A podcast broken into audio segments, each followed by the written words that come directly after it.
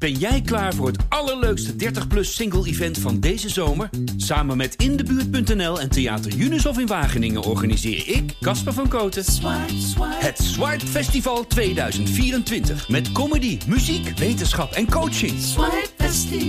Maar vooral heel veel leuke mensen. Bestel nu je kaart op swipefestival.nl. Swipe, swipe. Voordat je begint aan de Elke Dag podcast, we hebben bij de Volkskrant ook een wetenschapspodcast, ondertussen in de kosmos. En die gaat deze keer over de vraag, waarom mogen jongeren eigenlijk niet stemmen? Zoek hem op op je favoriete podcast app of kijk even op volkskrant.nl slash podcast. Ondertussen in de kosmos.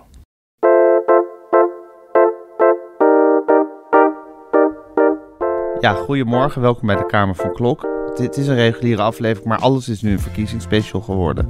Het is vrijdag 17 november, kwart voor elf in de ochtend. Uh, nou, we gaan het hebben over de stand van zaken in de campagne. INO Research heeft weer flink zitten peilen. Uh, een zeer rechts kabinet is, uh, lijkt in aantocht te zijn. Rob Jetten en Henry Bontebal proberen in de marge nog wat, wat klaar te spelen. En we hebben gisteren natuurlijk allemaal naar het uh, debat op uh, SBS6 uh, gekeken. gehost door Wilfred Gené en daarna ook nabeschouwd door Wilfred Gené samen met Johan Derks en René van der Grijp. En nou, het was een redelijk tumultueus debat. met wat voor blik heb jij daarna gekeken, Raoul? Ja, het was tumultueus, ja, zeker op het einde. Ehm, ik dacht, nou, ehm, ik zag dat de organisatoren zelf heel erg tevreden waren omdat er eindelijk door elkaar heen werd geschreeuwd. dat was volgens mij wel precies. Dit was precies de setting waar Pieter Omzicht aan het begin van de campagne niet in terecht wilde komen. Weet je nog? Toen, toen hij begon met zijn. Van de ja, precies, Toen hij begon met zijn strijd tegen het uh, tv-debat. maar goed, hij kon hier natuurlijk niet met goed fatsoen wegblijven, zo kort voor de verkiezingen en zo. Um, uh, maar dit, is, dit, dit was eigenlijk een ouderwets debat waar we er heel veel van hebben gezien de afgelopen twintig jaar. Um, waarvan je je eigenlijk kan afvragen hoeveel van de inhoudelijke boodschap daar nou precies over is gekomen, eerlijk gezegd. Want ik denk niet, dat iemand langer dan 15 seconden de tijd heeft gehad om een, uh, om een zin af te maken. Nou, Geert Wilders is vrij lang aan het woord geweest in het begin. Maar dat was ook de, langst, de langste monoloog die Ja, zeker. Die pakte de vloer uh, in het begin. Uh, waarna Frans Timmermans ook nog wel zijn kans greep om uh, daar even stelling tegen te nemen. Ik denk dat ze het allebei dat wel prettig vonden, Geert Wilders en Frans Timmermans. Ik wilde de, nou ja, de, de mm. verschillen even maximaal aanzetten. En daarna werd het wel redelijk chaotisch, eerlijk gezegd. Um, dus ja, dan is het de vraag, waar gaan kijkers dan op letten? Ja. Had je het gevoel dat het een belangrijk debat was? Voor de, voor de nou, kiezers? Ja, alleen al vanwege het publiek, denk ik. Uh, het is een groot publiek. Mhm. Relatief veel mensen meer, denk ik, dan op, uh, bij Nieuwsuur. Uh, de, bij wijze van spreken. Die waarschijnlijk nog niet precies weten wat ze gaan stemmen. Of daar in elk geval wat minder mee bezig zijn. Die dus ja, inschakelen. Misschien op dat tijdstip wordt toch ook vaak over voetbal gepraat. En dan, oh, nou, politiek, nou maar eens kijken dan. Dus ik denk wel dat er wat wat te winnen was voor uh, alle vier daar. Um, dus ja, eigenlijk. En bovendien, we zitten gewoon nog maar vijf, vijf dagen voor de verkiezingen. Dus alles doet er nu toe. Ja. Dingen die nu echt fout gaan, zijn misschien wel onherstelbaar. Ja. En vice versa. je moet nou geen fouten meer maken. De, daarom zeg ik ook, ik denk dat uh, Wilders en Timmermans wel tevreden zijn. Want wat ik vanmorgen herhaald zag worden bij de andere omroepen, dus op de NPO en ook bij RTL, waren vooral fragmenten van Timmermans en Wilders die elkaar in de haren vlogen. Dat waren de enige verstaanbare fragmenten. Ja. Vond jij het lijden aan te grote onverstaanbaarheid, Shaila? Iedereen sprak door elkaar de hele tijd. Nou ja, nou is Wilfred Gené ook ongeveer de slechtste presentator, moderator en debatleider van Nederland, zo ongeveer. Maar die liet het ook wel allemaal lekker stromen. Er was echt geen touw aan vast te knopen. Het was een ordinaire schreeuwpartij. Ja, ja. een markt, het was verschrikkelijk. Ja, het was het eerste uh, politieke debat dat SBS6 organiseerde. Maar dat was dus ook helemaal in die stijl, eh, vond jij? Ja. Het paste helemaal bij de, wat je zegt, ordinair markt enzovoort. Ja, maar dat hoort natuurlijk ook een beetje bij die zender. Geen taal vast te knopen. Ja, en het jammer is, het is met 1,4 eh, miljoen kijkers het best bekeken verkiezingsdebat tot nu toe. En eronder de net Nieuwsuur, die, nou ja, die legt dan een uur lang een uh, op de grill. Maar naar Nieuwsuur kijken een paar honderdduizend mensen. Dus dat zijn echt grote verschillen. En inderdaad hier veel meer zwevende kiezers. Dus ehm, je, je doet er ehm, de kiezers en de democratie ook geen enkele gunst of plezier mee. Want als mensen hierop hun keuze moeten baseren ja, dan wordt het natuurlijk helemaal niks. Ja, maar het wordt misschien ook zo goed bekeken omdat het een beetje een schreeuwpartij is. Weet ik niet. Het is ook een soort idee van ja, dit moet je aan de mensen voeren, want ze vinden Jerry Springer geweldig, mm dus het moet ook zo. Ja. Maar ik weet helemaal niet of dat zo is. Dat is ergens bepaald door een of ander uh, middelmatig zenderbaasje die een, uh, een, een, een, een, grote zender uitbaat en, en denkt, dan gaan ze gewoon allemaal pulp voeren. Maar feit is dat hier toch heel goed naar gekeken is. Het is toch het best bekeken debat geweest?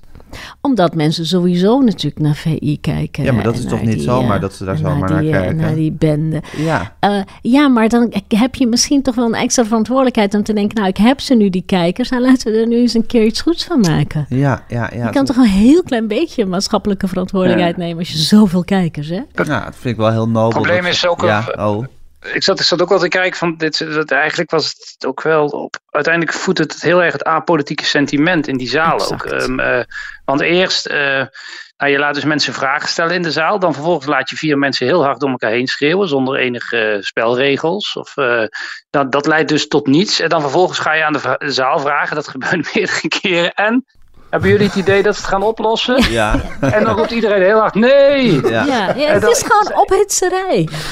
Ja. Ja, dus ja, ik weet niet. Ik denk ook, ik denk eigenlijk dat, ja, dat, alle, dat de vier hoofdrolspelers blij waren dat ze nog stonden na anderhalf uur en uh, toen weer door naar de volgende. Ja, uh, maar wat, ja, wat hier nou van blijft hangen, ik zou het echt niet durven zeggen. Nee, nou de vier, zouden de vier hoofdrolspelers, uh, hebben die hier zelf ook nog een verantwoordelijkheid in? Want ze kunnen nu de hele schuld in de schoenen van Wilfred Gené schuiven en met plezier. Maar ja, bedoel, die lijsttrekkers hebben zelf toch ook een eigen verantwoordelijkheid. Ja, maar je hebt wel een scheidsrechter nodig in zo'n debat. En als die gewoon zijn werk niet doet ja. en iedereen lekker gewoon elkaar in elkaar laat slaan verbaal, ja, dan, dan heb je bijna geen keus dan ook maar mee te gaan matten. En hij is tekortgeschoten daarin, in de boel een beetje in baan. Nou ja, het, het, is wat jij zegt, het draagt heel erg, of wat Raoul ook zegt, het draagt heel erg bij aan een soort populistisch narratief. En, en, en dat wordt nog Namelijk, Wat een bende is dit en dit wordt toch niks? Ja, ja. En, en ze luisteren niet naar het volk. Uh, ja, ik vind sowieso toch wel zorgelijk dat VI nu een soort uh, het hart van de campagne dreigt te worden. Alle belangrijke electorale bewegingen worden daar zo'n beetje bepaald. Ja, en, en daar, daar zit geen enkele ambitie in om, om elkaar te verheffen, om het debat naar een hoger nee, niveau te om objectief te zijn. Ze roepen de ene dag dat Timmermans een klootzak is en de volgende dag is hij weer heel aardig. Gisteren werd weer Laurens Das een enge man genoemd. Alles mag daar. Ze hoeven niet consistent te zijn, het hoeft niet onderbouwd te worden. Dus je zit daar aan een soort tafel waar, waar je alles tegen politici mag schreeuwen en roepen. En je mag ze uitschelden en ze moeten zich alles maar laten welgevallen. En dan krijg je aan het eind ook nog te, te horen dat ze er helemaal niks van bakken. Ja, dit, zo maak je gewoon de democratie kapot in mijn ogen. Uh, uh, dus, dus ik vind het heel zorgelijk. En ik vind dat we het onderschatten hoe zorgelijk het is. Want uh, ja, gezellig, Johan Derksen. Dit is gewoon, ja, ik moet ook om die man lachen. Dat, dat, dat, daar kan hij helemaal niks aan doen. Juist omdat hij zo inconsistent is en, en ja, gewoon ook ja, wel een character. gave van het woord maar heeft. Dit, ja. dit, dit is wel echt slecht. Ja, ja. Dit is gewoon slecht voor de democratie. Ja, ja. Hoe vond je de nabeschouwing van het debat, Shaila? Want nadat het debat was geweest, werd het in de aanpalende studio door dezelfde presentator vervolgens nabeschouwd. Toen had ik al weggezet. Oh, toen was je al weggezet. presentator zijn eigen debat nabeschouwen, dat hoef je toch op geen enkele wijze serieus was te jij daar toen nog bij, Raoul, bij de nabeschouwing? Ja, wel, omdat ik, ik moest eerst een stukje tikken en toen dacht ik, nou toch even op blijven letten. Want uit uh, de wetenschappelijke onderzoeken die altijd verschijnen over campagnes blijkt dat de manier waarop die debatten ontvangen worden in de pers minstens zo belangrijk zijn als het debat zelf. Um, de meeste omroepen hebben wel inmiddels wel geleerd dat je moet proberen niet iemand tot winnaar uit te roepen van zo'n debat. Dat is natuurlijk per definitie subjectief. Dat, dat, dat is wel heel vaak gebeurd, met name uh, in het eerste decennium van deze eeuw, uh, nou, bij de RTL-debat en zo. Dan was er onmiddellijk een soort jury die ja, dan... Uh, was dat een debatdeskundige, was er dan? Iemand van het ja, debatcentrum ja, of zo? Ja. Ja. die hebben we ook gehad. Ja. die zeiden, nou, die en die, die, en die heeft gewonnen. Ja, ja, die, die dan, ging dan bepalen wie er gewonnen had. Ja, En dan vervolgens stikt het ANP daar keurig een stukje over. Hè. Wouter Bos, winnaar RTL-debat. Ja. En dat verschijnt op, verschijnt op alle sites. Dus, nou, dat is natuurlijk een heel hoogst ongewenste media-beïnvloeding van de, van de campagne. Ja. Dus dat, maar dat, ja, de meeste omroepen hebben dat wel geleerd. Maar dat ging gisteren natuurlijk wel weer gewoon. Want ja, er zat een setting met de vaste heren van Vandaag in Site. Ik zag Rutger Kastricum nog aan tafel zitten. Uh, die het roerend over eens waren dat uh, Frans Timmermans de grote verliezer van de avond was. En sowieso een maatje te klein was voor de politiek. Um, uh, ja, en even ervan uitgaande dat al die mensen nog steeds zaten te kijken, is dat dan dus de boodschap aan een heel groot publiek? Um, terwijl ik zelf dacht, ja, ik weet niet. Ik zou ook niet zeggen dat Frans Timmermans de winnaar was van dat debat of zo, maar was hij nou de verliezer? Uh, maar nou. dat zit je dus op de avond dat bij Bo zit Wouter de Winter. Nou, hè, Telegraaf-commentator erkent Timmermans hater. Die wint hij ook helemaal geen doekjes om. Die grijpt elke kans aan om Timmermans uh, keihard aan te pakken. Dus die zit bij Bo, de andere mhm. talkshow. En dan heb je bij op één uh, WNL aan de beurt. Dus de, daar heb je ook weer een duidelijke rechtse toon. Dan mag Rob Jette dan voor deze gelegenheid, die zit er dan nog een soort links iemand, maar die mag dan ook even afgeven op Frans Timmermans.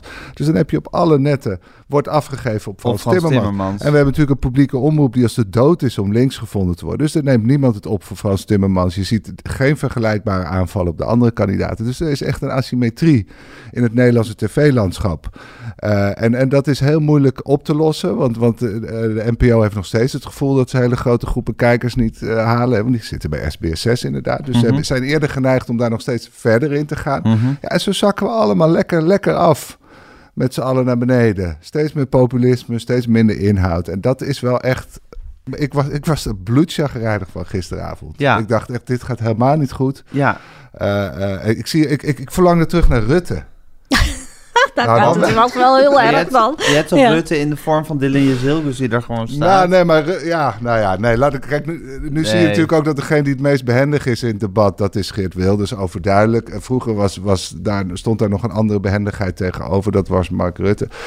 Ja, en, en, en, en ja, nu staan er verder drie, drie vrij onervaren mensen die dan helemaal worden meegesleept in die schreeuwpartij. Ja, onervaren, dat valt op zich toch ook wel weer Nee. Het is eerst dus de eerste campagne. Ja. En het is zich zijn eerste campagne. Ja, goed, Bloed onervaren. nou, die heeft, die heeft nou, al vele verkiezingen lang heel veel voorkeurstemmen gehaald. Uh, ja, maar geen campagne gevoerd hè, op daar, deze daar, manier. Daar heeft hij toch, toch ook campagne voor gevoerd? Ja, nee, maar niet op deze manier. Niet dat je in zo'n debat... Het is echt anders. Mm, ja, mm, ja oké. Hey, en nog even over democratie. Ik bedoel, het is, het is toch op zich ieder zijn goed recht... om uh, aan een tafel te gaan zitten, er wat camera's op te zetten... en dat uit te zenden. En dan uh, uit te kramen wat je wil, zolang het maar niet uh, oproepen tot geweld is of racistisch is of weet ik veel wat. Ja, Tuurlijk, je, maar je, hebt ook een verantwoordelijkheid. ja, precies. Je kan in, in rechten kijken en inderdaad verantwoordelijkheden.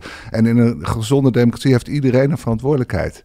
Iedereen moet erover nadenken wat jouw bijdrage is aan een gezonde democratie. Dat moeten burgers doen, moeten politici doen, moeten tv-programma's doen. Dat is een burgerplicht. Dat is een burgerplicht. Ja, ja. En als je alleen maar een bot op kijkcijfers gaat jagen, ja, dan, dan, en, en het allemaal niks kan schelen, ja, dan, dan eh, maak je de democratie eerder kapot. en de heren van Vandaag in Zuid hebben toen Van Timmermans tot lijsttrekker werd gekozen. Toen heeft René van der Grijp gewoon aangekondigd, we gaan hem kapot maken. Nou, dat is, daar is toen wel het een en ander over te doen geweest. Dat is ook, ook glimlachend aangehoord door veel mensen. Maar is dat wat er nu gewoon in de praktijk wordt gebracht? Uh, eigenlijk? Gaat het, zo, gaat het zo ver? Is dit een soort gerichte campagne die we, nu, die we hier nu zien? Ja, ik denk dat zij alleen maar in entertainment denken. Ja, uh, maar gerichte campagne kan natuurlijk heel entertaining zijn. Ja, maar dat is natuurlijk het gevaar. Hè? Dat ja. in Amerika ook gezien. Dat het electoraat ook het verschil niet meer ziet tussen entertainment en serieuze politiek. Die hebben, eh, ook Trump was ook gewoon een entertaining. Er was ook een bepaalde grappige boze oom die de hele lekker onverantwoorde dingen zegt. Waar je ook een beetje ironisch naar kan kijken. Dat is een enorm groot gevaar. Juist die, die, die, dit spel. Dus dat ze het niet eens echt letterlijk doen en ook alweer van terug kunnen komen. En uh, hij moet het ook weer niet serieus en dan nemen. Ook het is René van de Grijp maar. En, ja, dan gaat hij er ook zitten. Ja. Daarmee faciliteerde het natuurlijk ook wel een beetje. Ja. Want het is toch gezellig uiteindelijk. Ja, dan doen ze ook, weer wat aardiger. En dan zeggen ze dat Wilfred Genee ook wel heel streng is voor Frans Timmermans. Maar het, het, de bottom is, het draait om entertainment. En dat is in, in een democratie een groot gevaar. Want dan, wordt je, dan gaat de kiezer gaat ook op entertainmentwaarde selecteren. Nou ja, dan zie je het ultieme voorbeeld hebben we natuurlijk aan de overkant van de oceaan gezien. Ja, Maar goed, jullie zien dus hoe er, hoe er, hoe er soort op, op alle zenders afgegeven wordt op Frans Timmermans. Jij deelt dat ook, die analyse? Zeker, zeker. Maar ik hoorde er op brommen. Volgens mij wil er ook iets zeggen. ja, het enige wat ik nog dacht over dat debat. Ehm, en dan hebben we SBS 6 wel genoeg uh, afgekraakt. Dat weet ik ehm, niet. Ja, ik dacht ja. Van, uh, we zeiden, iedereen is aan het zoeken naar de juiste spelregels voor zo'n debat. En mm -hmm. uh, dat begon wel, deze campagne, met de, spelregels die misschien net iets te veel ruimte boden. Ik bedoel dat we begonnen volgens mij met een debat. Ik denk dat het Timmermans en Omzicht zelf waren die dat toen hadden georganiseerd. En toen hadden ze zichzelf per onderwerp steeds vier minuten spreektijd gegeven om een onderwerp in te leiden. Ja. ja daar hoorde je toch wel vooral veel klachten over dat het wat saai werd. Uh, dat is dus te lang. Uh, we hebben ook eerder debatten gehad dat het een halve minuut was. Dat was te kort. Als je helemaal niks doet, krijg je dus wat er gisteravond gebeurde. Dat iedereen gewoon door elkaar heen staat te praten. Uh, dus ja, er is misschien toch gewoon een gespreksleider nodig die uh, even zegt wie er nou aan het woord is. Ja. en dat de rest even zijn mond moet houden. Ik en dat, dat met enige autoriteit doet. Ja, dus uh, de, overigens, we hebben echt nog wel een paar debatten te gaan de komende dagen. Ook door uh, organisaties die daar veel ervarener in zijn natuurlijk. Dus ehm, het zal wel goed komen nog. Ja. Uh, maar dat is wel het effect. Want je, je kunt niet zomaar, je kunt niet vier politici aan tafel zetten en dan zeggen, nou jongens, uh, ga je gang. Want dan krijg je dit. Pieter, je wou nog wat zeggen? Nou, er gebeurden natuurlijk wel dingen tijdens dat debat. Ik vond, nou, ik vond het nog, uh, nog vuriger, dat uh, anti-immigratiesentiment. En ook toch schrok toch ook wel, of, of ik vond het opvallend, laat ik mijn orde achterwege, achterwege laten, hoe Omzicht daarmee omging. En niet alleen omdat hij Wilders op een gegeven moment de hand schudde van nou, laten wij dan maar nou, zaken Wilders doen. kwam ook naar hem toe. Hè, Jawel, maar nadat hij zei van nou, toen... toen, toen laten wij maar zaken gaan laten doen. wij dan maar ja. zaken gaan doen. Maar Wilders begon ook ineens dat de helft van de inwoners van grote steden allochtonen zijn. Ja, alsof dat een probleem is. En ik dacht dat Omzicht ook de man was, uh, tot voor kort, die, die altijd heel erg ageerde tegen die algoritmes hè, van de Belastingdienst, waar, waar er naar afkomst werd gekeken. Ja. Ik miste dat hij op dit soort momenten dan ook even tegen Wilders opnam. Hij nam het op geen enkel moment tegen Wilders op, terwijl ik hem ook een man vind van grondrechten, gelijke rechten. Ik, ik weet niet waar dat geluid is gebleven, om heel eerlijk te zijn. Hij zei op een gegeven moment ook nog, toen, toen volgens mij Timmermans een vrij stekelig debat had met Wilders. Zei, nou, meneer Wilders heeft anders wel uh, afgelopen jaar vaak gelijk gekregen op het gebied van migratie. dacht ik, wat, wat is hier aan de hand? Ja, ja. Terwijl... Waarom gaat dit zo snel, dit sentiment? Er wordt niet kritisch bevraagd, hè? want, want uh, volgens mij bij de, op een gegeven moment had je die kijker die zei van... Uh, waarom uh, wordt die spreidingswet niet ingevoerd? Want ja. wij in Budel hebben echt heel veel overlast... en het zou toch eerlijk zijn als dat wat gelijk over het land wordt verdeeld. Ja, dan is iedereen tegen, wat raar is, want dat had Budel heel erg op, behalve Timmermans natuurlijk. En dan roepen ze van ja, maar het moet gewoon minder. Ja. En dan verwacht je toch dat een presentator ook even zegt, of, of omzicht, of wie dan ook. Maar hoe dan? Ja. Hoe dan minder asielinstroom? En meneer Omzicht, vindt u ook dat bij de grens uh, vliegende brigades uh, immigranten... Dus, dus er worden ook heel veel punten niet besproken. En dan lijkt het alsof ze alle drie het heel erg met elkaar eens zijn. Een beetje nul, nul asiel, zo'n beetje, wordt dan de lijn. En ik vind dan eigenlijk ook dat om zich dan ook zelf nergens iets van ho, ho, ho zegt. En hier wil ik toch even verduidelijken wat ik precies bedoel. Hij laat het een beetje gebeuren dat, hij, dat ze lekker met z'n drieën anti-immigratie nou ja, zijn. Zo, en de migratie ja. is het probleem. Nou ja, en, ja, wat zich hier breekt is dat het verkiezingsprogramma van Omtzigt zo weinig inhoudelijk is. Dat het... Um, het is vloeibaar. Ja, het, het gaat heel veel over hoe gaan we het doen. Maar wat we precies gaan doen, en brood en boter hebben we het hier eerder over gehad. Dat is allemaal vrij vaag en multi-interpretabel. En dat laat hij nog steeds. Ik weet nog steeds niet goed wat Omtzigt wil met het land. Met de inrichting van het land. Met waar we naartoe moeten. Met wat zijn visie is. Met wat hem drijft. Ik heb al die debatten zitten kijken. En ik zie iemand die heel veel weet over de pensioenen. En die um, heel veel weet over hoe je een wet uh, wel goed moet maken. Maar ja. niet over wat erin moet staan. En wat ik interessant vind is dat Omzicht tot dusverre Wilders steeds heeft uitgesloten. Op basis en met het argument. Uh, wat u allemaal zegt is niet rechtsstatelijk. Hè. U, uw, uw verkiezingsprogramma is in strijd met uh, grondwet, rechtsstaat. Nou ja, zo ongeveer alles. Maar in geen enkel gesprek met Wilders, confrontatie met Wilders, debat met Wilders. Uh, vult hij dat in en legt hij uit wat hij daarmee bedoelt. Maar zegt hij dat, ja, ja, ja, wel een beetje gelijk. Dus hij geeft er ook geen enkele invulling aan. Nee. Nee, dus hij zegt ook eigenlijk, hij zegt van uh, uw, uw, uw verkiezingsprogramma is niet volgens de grondwet. Dus dan in dat geval kan ik niet met u samenwerken. Ja. een kabinet kan geen ongrondwettelijke dingen doen. Maar volgens mij is er een vrij makkelijke uitweg voor Wilders. Dus ja, je zegt, laat al die ongrondwettelijke dingen ja, uit mijn programma maar zitten. ook al gezegd. Die, die kunnen we wel even in de ijskast zetten. Ja. ja. Als we maar asielzoekers tegenhouden bij de grens. Met onze vliegende brigades. Want zo er iets duidelijk werd uit dit debat... waar dus vrij veel door elkaar heen werd gepraat... is dat er een soort ja, hofmakerij tussen die drie partijen gaande was... En er één iemand was met wie niemand wilde spelen eigenlijk. Ja, en wat, en wat, zich dan ook nog wreekt, dat je echt toch wel merkt dat Timmermans uit een andere politieke omgeving komt. Uh, hij is niet een van hen, weet je. Hij heeft niet al jaren met, met, met al deze mensen in de Kamer. Dat ja, ja. Ook. Dat, je voelt hem ook letterlijk als buitenstaander. Ja, en, en dat zie je iemand in de klas. Ja, dat, dat zie je een beetje. Maar je ziet ook af en toe dat hij, dat, dat hij de binnenlandse politieke discussie net niet goed genoeg heeft gevolgd. Hè? Want op een gegeven moment zegt hij van, nou, als je rechts omarmt, hè, rechts of extreem rechts lijkt vaak voor de verkiezingen heel toont een vriendelijk en gezicht. komt hij met een vaag voorbeeld van Maloney. Ja, ja, en, en je weet, sterk, hè? Nee, en dit ging, dit ging net om het type recht wat volgens mij bij Wilders wel in veilige handen is. Hè? Uh, homorecht tot nu toe althans. Dus dat was ook niet zo sterk voorbeeld. Dan merk je dat hij heel erg met de Europese bril naar deze verkiezingen kijkt. Ja. En dan heeft hij niet het beste verweer op sommige momenten. Nee. Ehm, ja, het had, wat, wat dat betreft, nou goed. Maar dat is, wat dat betreft zit hij zo net zo steeds... Denk je van... Nou, hij, nou. hij, liet een paar kansen lopen. Dat hij zeg maar, vertel dan hoe je die instroom naar beneden gaan krijgen. ja. In plaats daarvan zei hij van, nou, we mogen toch blij zijn dat we Oekraïners hebben opgevangen. Dus op een paar momenten sloeg hij volgens mij, had hij had, had een andere strategie, was misschien iets slimmer geweest. Nou ja, als er één ding duidelijk is geworden, is dat een stem op of VVD of NSC of PVV een stem is op een behoorlijk rechtskabinet met anti-rechtsstatelijke elementen. Ja. Dat is wel dat is mijn afdronk van dit uh, debat. En niet alleen dit debat, maar de ontwikkeling van de laatste week. Ja, ja. toch ook heel xenofoob. Zeker, ja, ook een stem dus, op de VVD. Eh, buitenlandse studenten, ik, ik experts. daar toch weer van. Eh, ja. denk ik, jongens, liberalen. Ja, ja, maar het is ja, de VVD is compleet naargeestig geworden. Dat wisten we natuurlijk al. We wisten dat het ideologisch was uitgewoond. We wisten dat de echte vrijzinnige liberalen al waren weggejaagd. Maar nu, nu, nu komt het echt allemaal boven. Ja, het is allemaal naar de PVV schurken. Ja. Lekker daartegen aan. Uh, ja, blijkbaar met, met, met permissie. Ik bedoel, dat is, dat is, Zeker. Dat is ja, blijkbaar met wat, de zegen van de hele top. Ja, ja. Wat, uh, wat, Want Rutte is ook campagne aan het voeren. Hè? Ik kom allemaal foto's van hem tegen. Hij is in winkelcentra. Twee duimen omhoog. Selfies met mensen. Overal lachen, lachen, lachen. Ja. Dus hij voert een soort straatcampagne nu. Ja, ja hij, hij vindt staat, het allemaal hij prima. Staat er nog, hij staat er nog wel goed op. Ja, maar het is, uh, Raoul, het is, het is wel overduidelijk wat, wat, wat de voorkeur is hè, voor, uh, voor de kabinetsvorming. En wie er buiten valt. Of is het, kan dat ook nog een soort.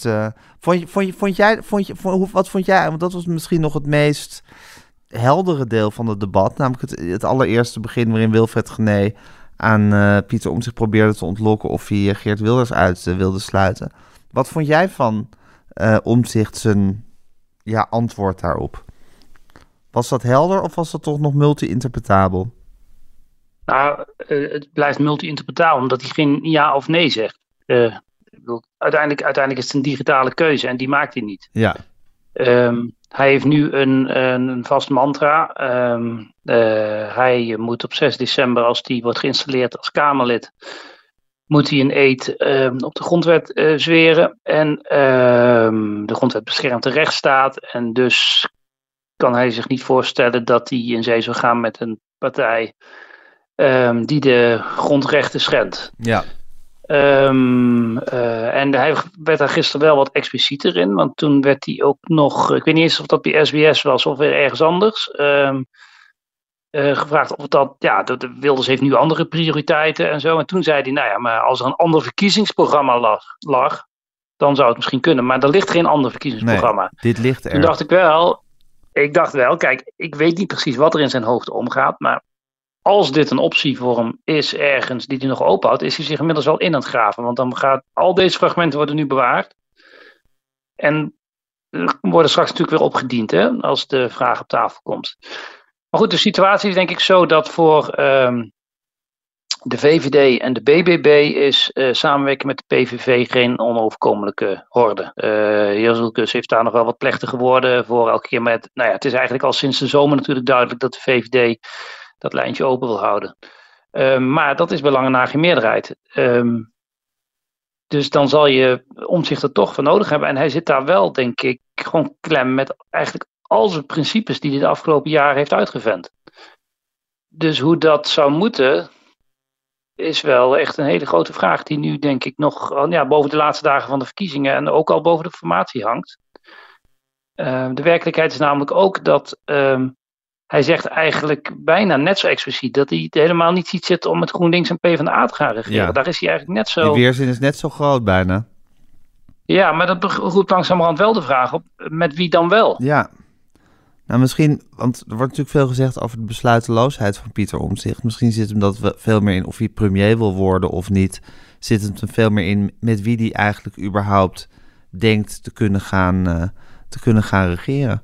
Want misschien weet hij, het zelf, weet hij het zelf gewoon ook echt niet of hij, met de, of hij met de PVV wil. Ik denk dat alles in hem toch een soort weerzin heeft tegen die partij. En hij heeft natuurlijk ook met het CDA gewoon dat trauma, dat trauma opgelopen met de VVD. En hij vindt het natuurlijk heus allemaal heel niet rechtsstatelijk. Aan de andere kant, die, die PvdA GroenLinks vindt hij natuurlijk veel te links. Ja, hij, hij weet het misschien wel gewoon echt hij misschien helemaal diepe niet. weerzin tegen besturen. Wil hij gewoon lekker oppositie voeren? En kritisch zijn, dat is zijn wezen. Nou ja, ik denk dat hij ook gewoon ten diepste een CDA is. En CDA'ers willen toch altijd gewoon met de VVD mm, regeren. Punt. Ja, maar hij heeft ook geen idee eigenlijk waar hij heen wil met het land. Als je aan hem vraagt, doe dat, vertel dat nou eens in uh, tien zinnen. Hij wil een constitutioneel Maak hof. er twintig zinnen van. Ja. Dan krijg je twintig zinnen vol constitutioneel hof en, en dit en dat. Maar niet over wat voor land oh, zie ja. jij voor je. Hij had nog een nieuw instrument, de woontop. Ja, een woontop Als je het niet weet, dan doe je gewoon een top. Ja, ja maar je hebt toch zelf een idee over wat je wil. Hoe wil je dat mensen wonen? Wat wil jij, Pieter Ja, wat gaat hij zeggen op die top? Dat mensen wonen, hoe moeten ze wonen? Wie, wie, wie mag waar wonen van jou? Wat wil je zelf? En ja. dat hij, hij heeft, hij, hij zoekt wil het altijd niks in een methode. Zelf. Ja, precies. Hij is een, ja, toch, toch ook een procesmanager. Ja. Maar dan een die vindt dat het proces heel zuiver en goed moet uh, ja, geschieden. En die met al zijn zuiverheid zit en nu niet weet met wie die, met wie die dat eigenlijk kan gaan, ja, uh, omdat gaan die, bereiken. Omdat hij geen, uh, geen, geen, geen beeld heeft van wat voor Nederland hij wil. En dus ook geen beeld heeft van wie hij dat dan het beste kan bereiken. Straks krijgen we nog een kabinet uh, Jezilgus Timmermans. Nou ja, kijk, als omzicht uh, stelt dat hij, uh, de, dat hij aan het voorsorteren is de oppositie, ja, dan hebben, zijn we natuurlijk helemaal in de aap gelogeerd. Want dan krijg je inderdaad, dan is helemaal niets meer mogelijk wat nog een beetje bij elkaar past. Ja. Dus, um, en het is ook niet voor niks natuurlijk dat omzicht uh, zo hamert op dat minderheidskabinet. Um, ja. Omdat hij denk ik gewoon ziet aankomen, ja, wat ik wil en wat zich nog een beetje verhoudt met, met mijn eigen beginselen, dat gaat geen meerderheid halen. Minderheid, een linksminderheidskabinet kan ook nog, hè? Gewoon bestaan uit één partij. Met deze, aangevuld bij D66 zo 40 zetels. 40 Zoiets. Zetels, ja. ja. Timmermans was bij Nieuwsuur en die moest toen zijn gedroomde coalitie gaan, gaan samenstellen. Ja, dat werd een soort, soort, 27 soort zak pepernoten. Uh, met allemaal, met allemaal splinterpartijtjes en Frans Timmermans. Ja, ja ook dat je dacht, ja, eer we dat allemaal bij elkaar hebben. Ja, maar hij kwam er wel. Hij kwam wel tot 6. Ja, en toen zei hij, ja, nou ja, en dan de NSC van Pieter Omtzigt. Zei er op het laatste op bij. Zo van, ja, ik snap ook wel dat ik dat heus niet krijg. Maar ja, lijkt me wel leuk. Emiel Roemer? Zei je nee, dat? dat toen denk ik aan Emiel, Emiel Roemer was toen zo boos dat PvdA en VVD na de verkiezingen van 2012 met elkaar in zee gingen. Ja. Terwijl ze zo'n campagne tegen elkaar hadden gevoerd. En dan nam je vooral Buma heel erg kwalijk. Ja. Want in de ogen van Buma was het voor, voor het CDA heel goed mogelijk geweest om met nog een stuk of zeven andere kleine partijtjes uh, ook een coalitie te vormen. en Buma die zei altijd, ja, die variant noemen ze bij mij thuis Buma en de Zeven Dwergen. dwergen, ja. ja, ja, ja, ja, ja. Dat is natuurlijk nog een ander beeld. Als je op dit moment naar de peilingen kijkt, is dat we vier partijen krijgen die nog wel enige massa hebben. Um, en dat alles daaronder inmiddels is weggezakt tot onder de tien zetels. Hè? Ja, tot de BBB um, aan toe. Ja, ja, ja, dat is ook wel interessant hoor. Dus, Hoe is de uh, laatste peiling dat... van ENO Research, uh, Raoul? Kan ons daar een beetje ja, over bijlichten? De, nou, de, de, laatste was die van, van woensdag, de zetelpeiling. Zeg maar, maar ja, dan is dat het beeld en overigens overal. Dus ook bij, uh, bij Ipsos. Um, en bij Maurice de Hond. Um, uh, vier uh, redelijk grote die nu in een eindsprint gaan proberen om nog veel meer stemmen weg te halen bij die kleintjes. Uh, want daar, daar, hebben ze allemaal belang bij. Dus, en, en, dan, en dan een heleboel kleine fracties in de Tweede Kamer.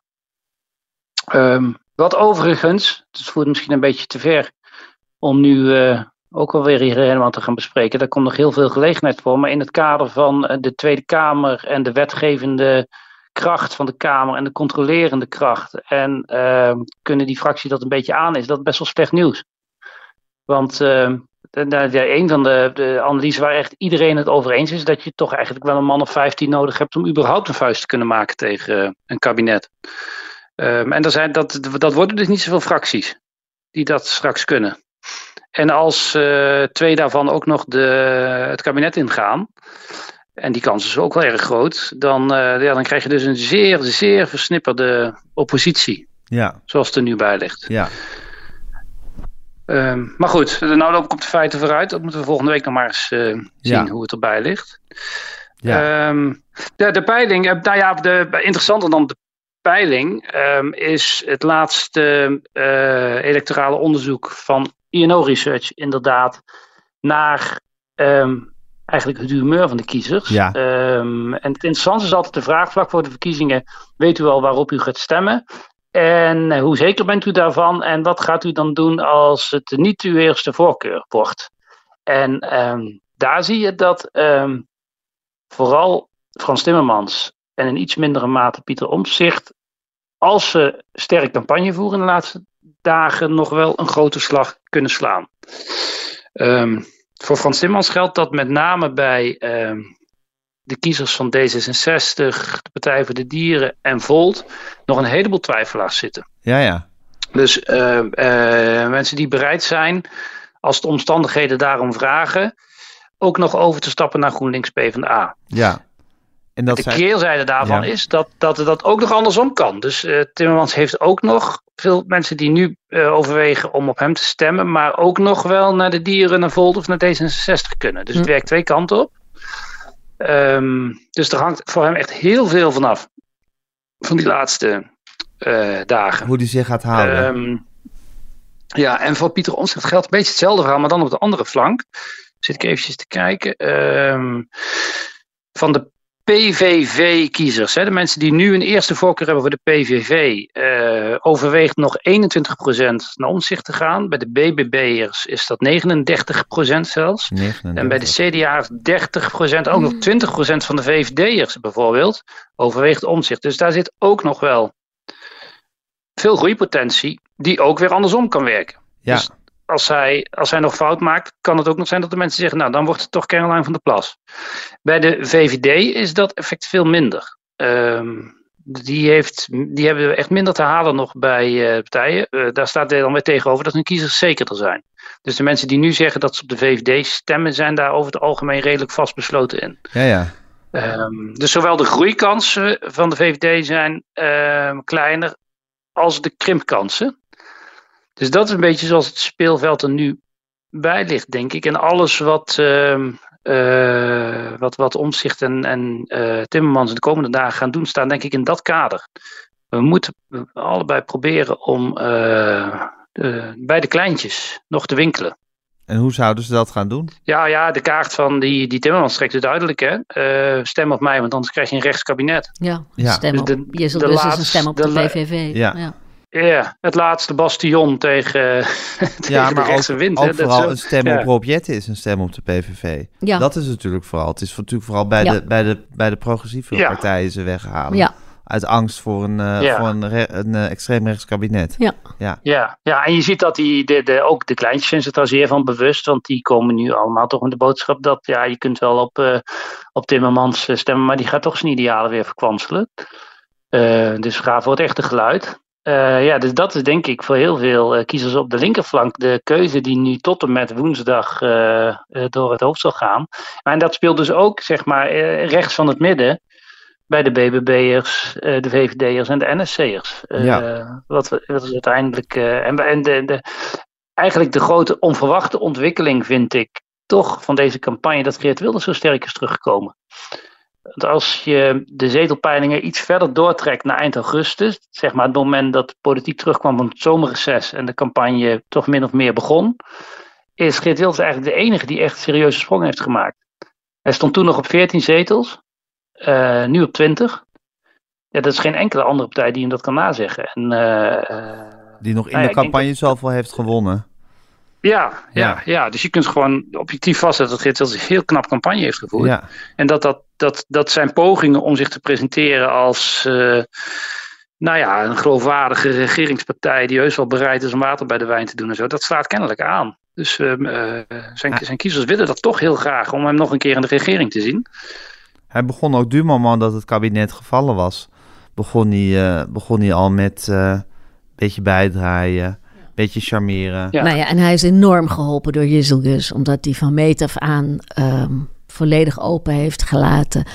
Uh, dat hij best de regeerpartner zou kunnen zijn, omdat ze geen kiezer uitsluit. Waarmee ze voor PVV-stemmers uh, de optie open heeft gezet van het is geen verloren stem, ja. stem op Wilders. Misschien heeft Mark Rutte Zij heeft dit, hem geholpen. Misschien heeft Mark Rutte dit ook wel aangevoeld, hè? dat hij dacht de optie met de PVV wordt een heel misschien noodzakelijke voor de VVD. En als ik daar zit, zal ik daar zeker een belemmering voor zijn, omdat hij natuurlijk altijd zo, zo hard en fel daartegen is geweest.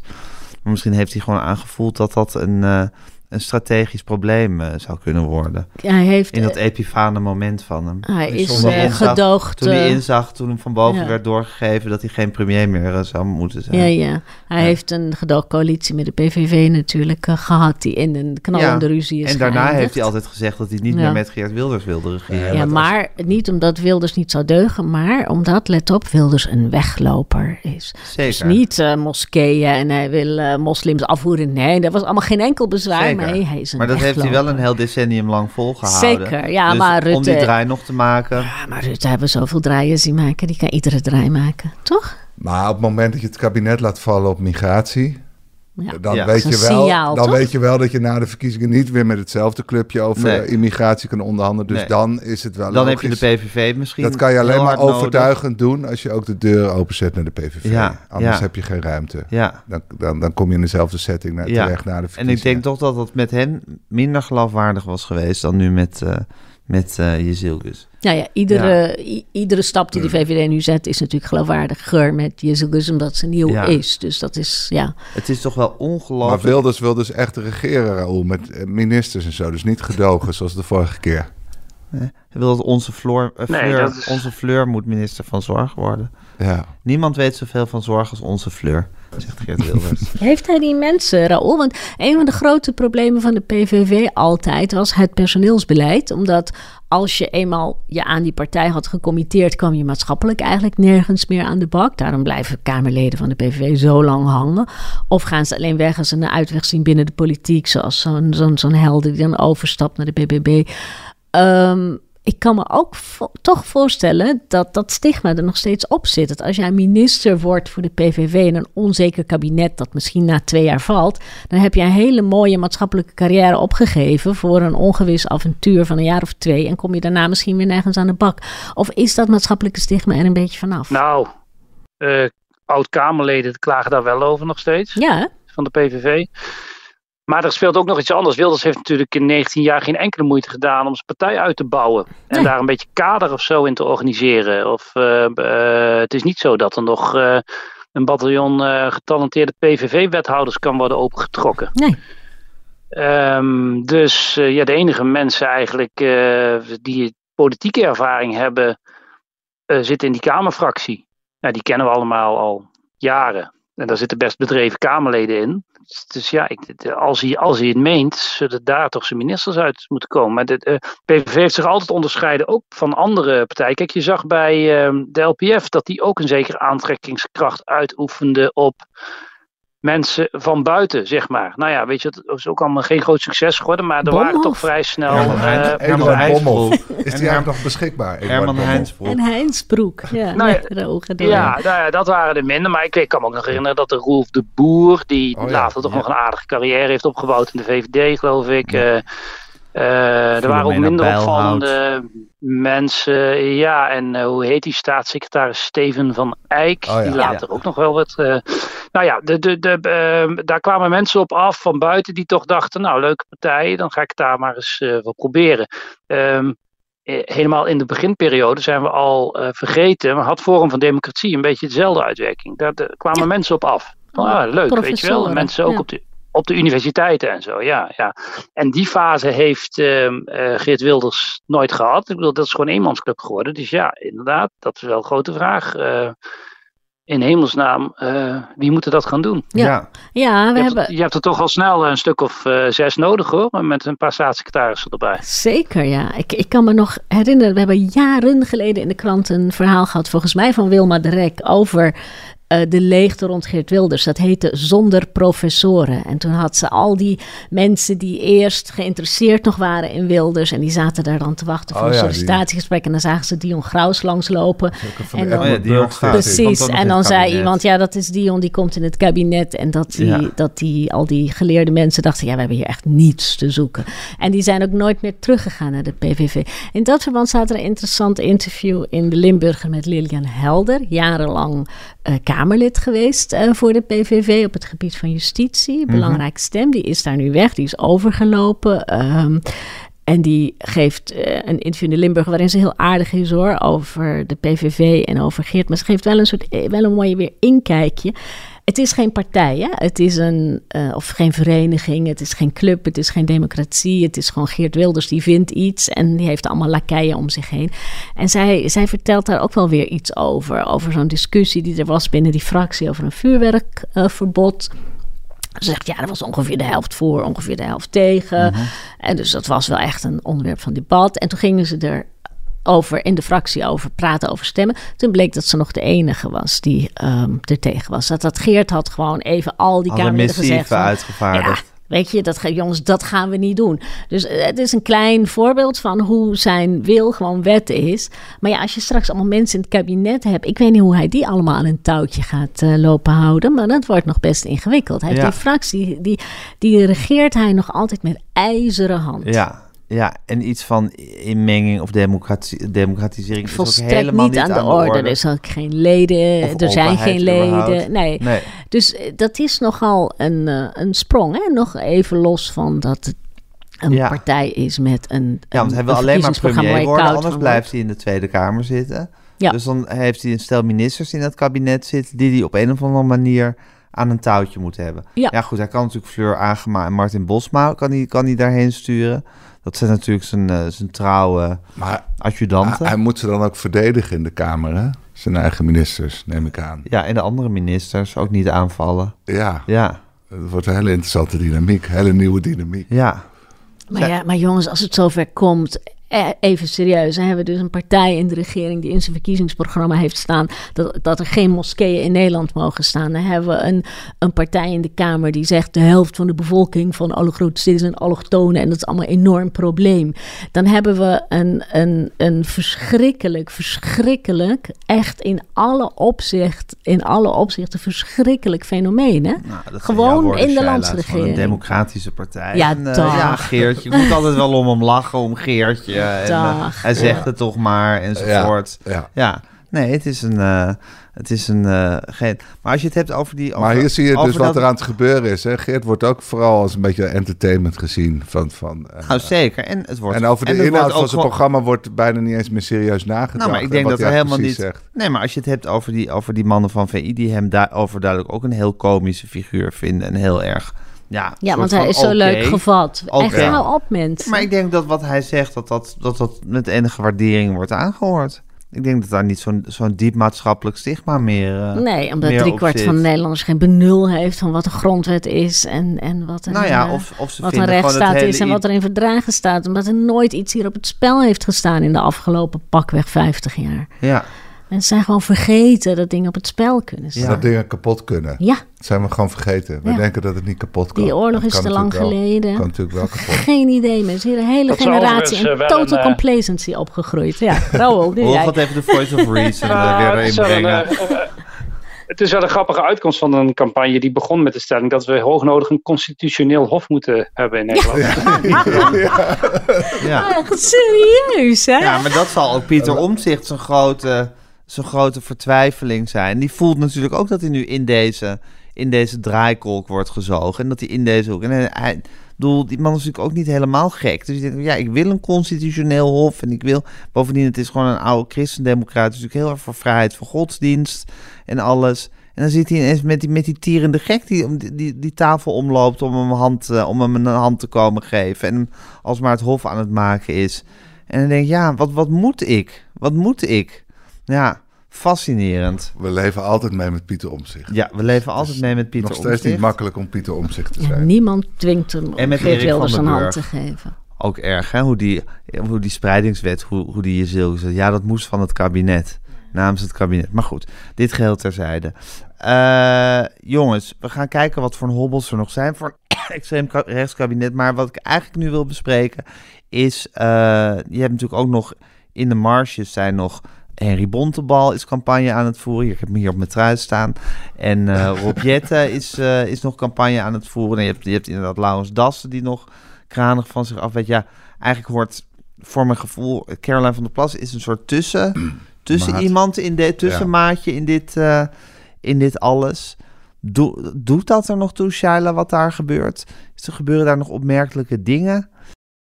Het, voor, natuurlijk doet het er voor die partijen enorm toe wat Ja. er gebeurt. Die zijn aan het vechten voor hun leven, Voor hun leven, politieke Echt. leven. Ja, En, nou ja, en die weten eh, wat Raoul net eh, zei. Als je met twee mensen die kamer inkomt, ja, dan het is gewoon, dan kun je geen deuk in een eh, ja. bakje boter slaan. Dus die zijn wel echt aan het vechten voor hun leven. Ik weet, je, ziet, het- je ziet niet in de peilingen dat daar nog heel veel gebeurt. Ehm, ik geloof dat ze bij het CDA enorme hoop hebben op Henry Bontebal. Raoul, jij kan het niet zien, maar Ehm Gijs heeft een t-shirt aan, het is eh, hemelsblauw. En daarop staat een grote foto van een man. En daarboven staat hen wie? Henry. Henry. ja.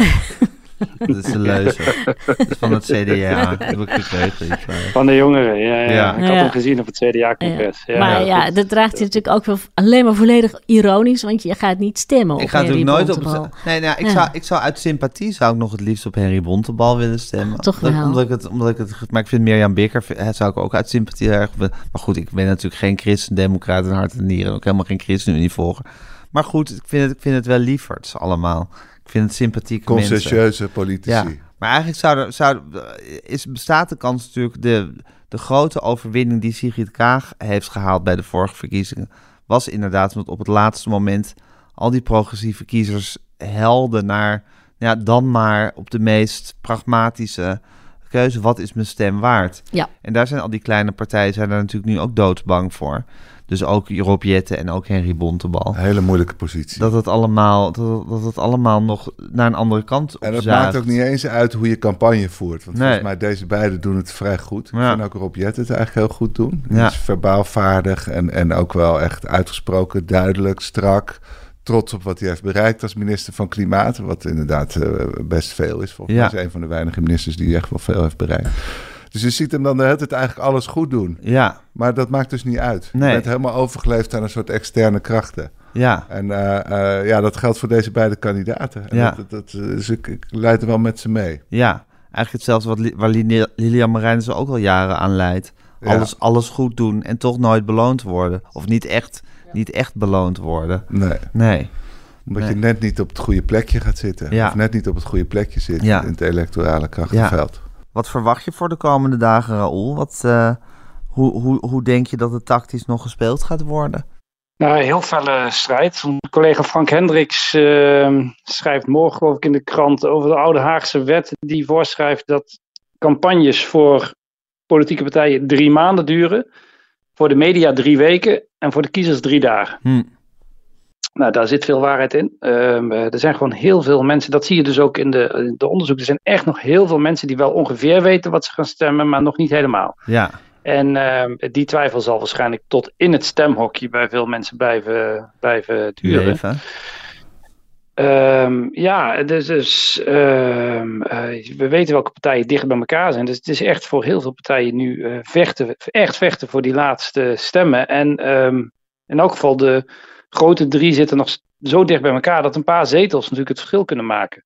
En dat is denk ik wat Frans Timmermans gaat proberen toch echt duidelijk te maken. Kijk, als hij dat 30 heeft en de VVD 27, dan is hij aan zet in eerste ja. instantie. Dat is natuurlijk geen garantie dat hij uh, in het kabinet komt. De PvdA heeft het wel eens eerder uh, verknoeid. Um, maar de grootste partij heeft het initiatief.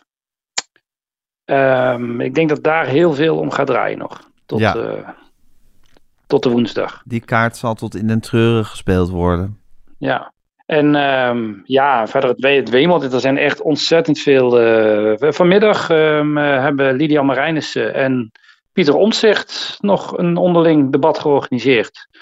Te volgen via de livestream. Weet je, ook zo'n zelf georganiseerd debat met eigen spelregels. Heel interessant dat Omtzigt dat. Hij zegt heel veel debatten af, maar deze doet hij dan toch nog wel even. Ik weet niet of hij dat de SP gunt. Uh, ze zijn heel veel samen opgetrokken natuurlijk, hè, Leijten en uh, Pieter Omtzigt. Um, maar er zitten eigenlijk ook wel interessant. Kijk, de, de, de SP heeft een um, zeer uh, een programma dat zeer is gericht op bestuurlijke vernieuwing. Uh, waar eigenlijk heel veel raakvlakken zitten met, met dat van omzicht. De wegen scheiden, denk ik, als het gaat om de inkomensverdeling en de belastingen en immigratie. Mm. Dus er zijn ook grote verschillen. Maar dat zijn wel van die dingen. Nou, weet je, wat blijft daar nou hangen? En Marijnissen zal, denk ik, redelijk ontsteld proberen te zijn, in elk geval, over het feit dat hij nu inderdaad toch op weg lijkt om een rechtskabinet aan de meerderheid te gaan helpen. Dat is denk ik niet. De SP heeft volgens mij Pieter Omtzigt altijd gezien als een partner. Iemand die ja, medestrijder voor de bestuurscultuur in Den Haag. Dus nou, dat zijn allemaal dingen waar ik mezelf nogal op verheug. Ja. En de SP wil ook regeren. Dat zeggen ze eigenlijk voor het eerst tamelijk expliciet. Dat hebben ze, ze, hebben de, ze waren altijd de protestpartij, maar... Ze zijn er klaar voor. Ja. Ja. Ja. Dus dat kan ook nog een kabinet ja, minister Leijten. Ja. Daar verheug je je op, uh, op Raoul. Hey, en denk jij, Shaila, dat die, dat die hele premierskwestie dat dat... Want dat, dat zeiden jullie toch volgens mij vorige... Of daar was jij niet bij, Shaila. Maar van, hij, hij moet toch op een gegeven moment uh, gaan zeggen wat hij wil met die premier. Of hij het zelf wil worden. Mm -hmm. Of de, wie die er dan voor op het oog heeft. Want dat is niet meer houdbaar. Denk je dat dat, dat, dat nog nijpend wordt? Of komt hij daar toch mee weg met daar een beetje een soort...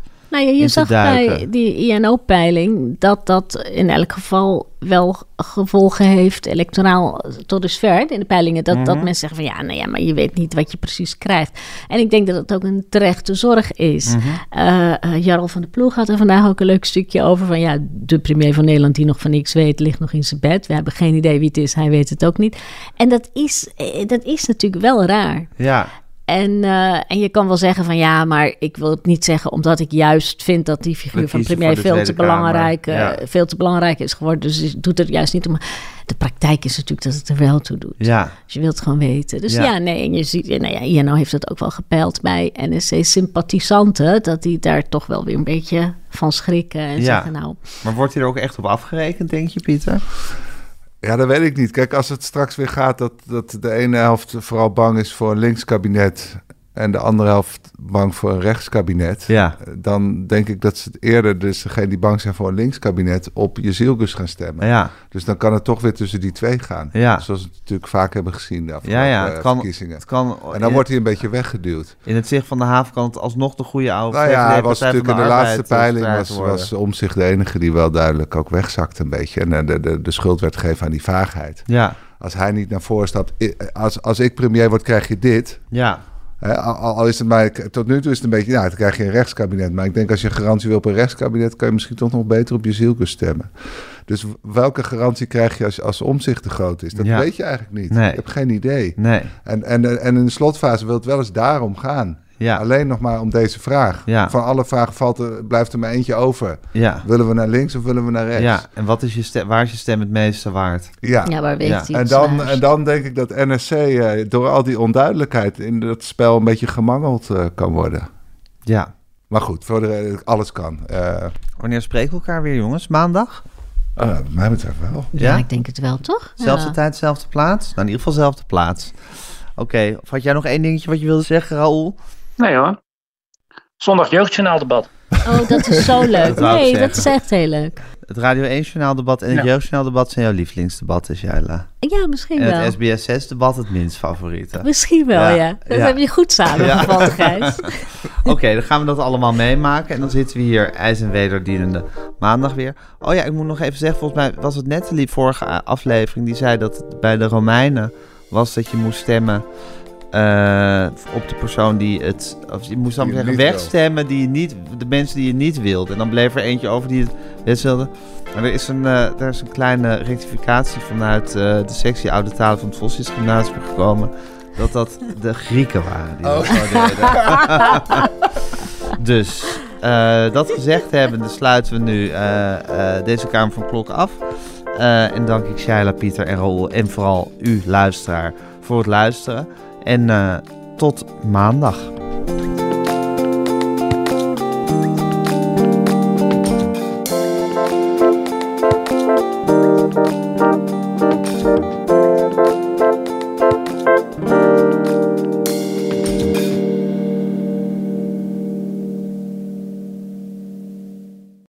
Jij klaar voor het allerleukste 30-plus single-event van deze zomer? Samen met Indebuurt.nl en Theater Junus in Wageningen organiseer ik, Casper van Koten, het Swipe Festival 2024. Met comedy, muziek, wetenschap en coaching.